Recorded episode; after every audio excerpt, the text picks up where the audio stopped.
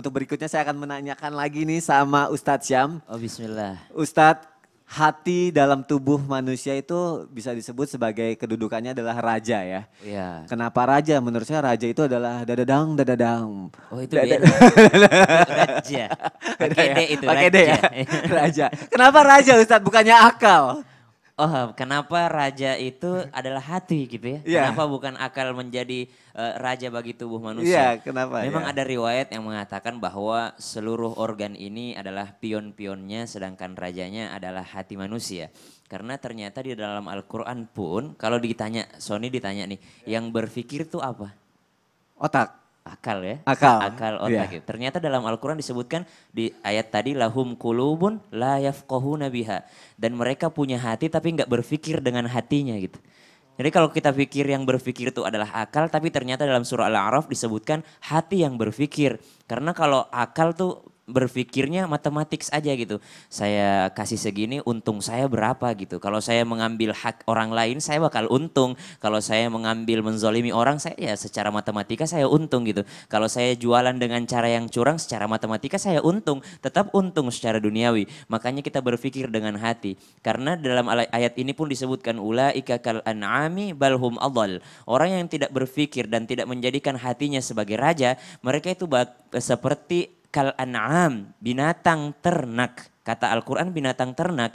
Apa bedanya binatang biasa dengan binatang ternak? Kalau binatang biasa tuh masih bisa yang namanya eh, melakukan aktivitas yang lain kalau dia dapat makanan gitu.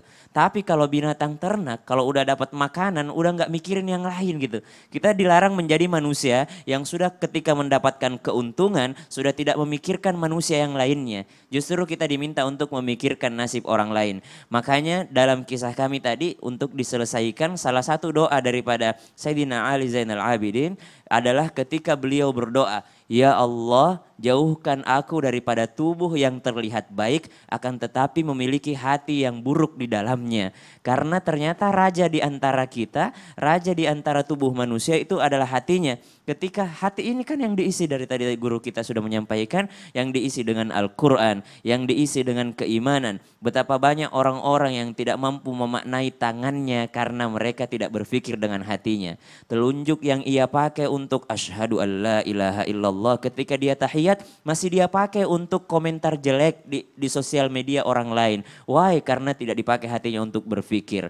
Mata eh, lisan yang dia pakai untuk membaca Al-Quran di pagi hari ketika dia berpuasa masih dia pakai untuk menjelekkan orang lain ketika malam hari. Kenapa? Karena mereka tidak menggunakan hatinya untuk berpikir. Begitu pula anggota tubuh yang lainnya. Kaki yang dia pakai berdiri sholat tarawih berapa rakaat. Namun kaki tersebut masih digunakan juga untuk melangkah untuk mengambil hak orang lain.